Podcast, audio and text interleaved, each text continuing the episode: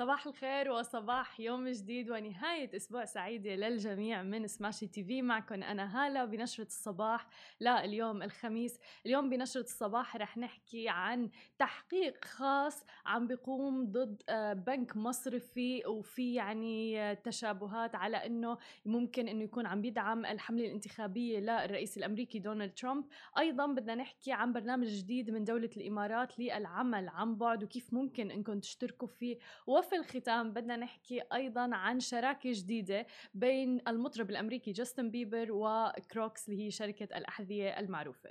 خلونا نبدأ بأول خبر معنا لليوم. أفادت وكالة سي ان ان بأنه المحققين الفيدراليين يتابعون طيلة ثلاث سنوات أموالا ربما حولت من بنك مصري مملوك للدولة لدعم حملة دونالد ترامب الانتخابية اللي كانت بعام 2016 وذكرت الوكالة الأمريكية أنه التحقيق يهدف إلى الكشف عما إذا كانت هناك مساهمة وهي المساهمة غير قانونية في الحملة الانتخابية وهو يمثل أحد أكثر الجهود المطولة اللي بذلها المحققون الفيدراليون لفهم العلاقات المالية الخارجية للرئيس. وأصبح طبعا هذا الموضوع جزء مهما منها.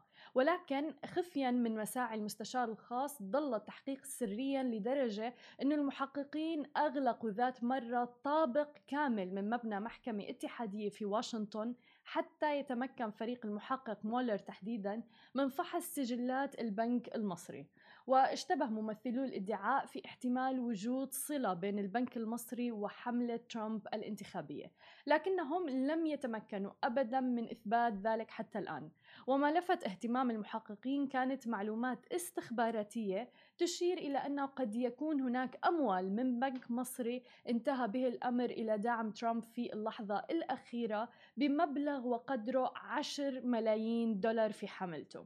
من جهته طبعا قال أحد كبار مستشاري حملة دونالد ترامب جيسون ميلر أن الرئيس ترامب لم يلتقي فلسا واحدة من مصر وطبعا لم يصدر أي تعليق رسمي مصري حتى الآن.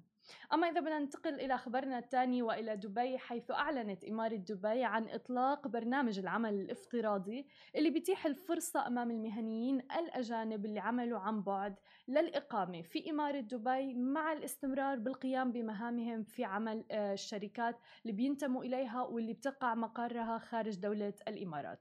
يوفر هذا البرنامج اللي بتصل مدته إلى عام واحد كامل ولكنه قابل للتجديد بناء على طبعا تقديم طلب جديد للأشخاص العاملين عن بعد. وكذلك هذا الموضوع بضم عائلاتهم آه، لفرصة للإقامة سنويا في دولة الإمارات. طبعا دولة الإمارات وتحديدا إمارة دبي هي واحدة من أكثر الوجهات العالمية تميزا في مجالي السياحة والأعمال واللي بتتمتع ببنية تحتية رقمية متطورة عالية الكفاءة والاعتمادية وتسهم في تسهيل أعمالهم. فضلا طبعا عما توفره دولة الإمارات ودبي من بيئة آمنة تتميز بأسلوب حياة عصري. هلا بالنسبة للأشخاص المهتمين في هذا البرنامج فكلفة هذا البرنامج السنوية 287 دولار أمريكي يعني حوالي 1056 درهم.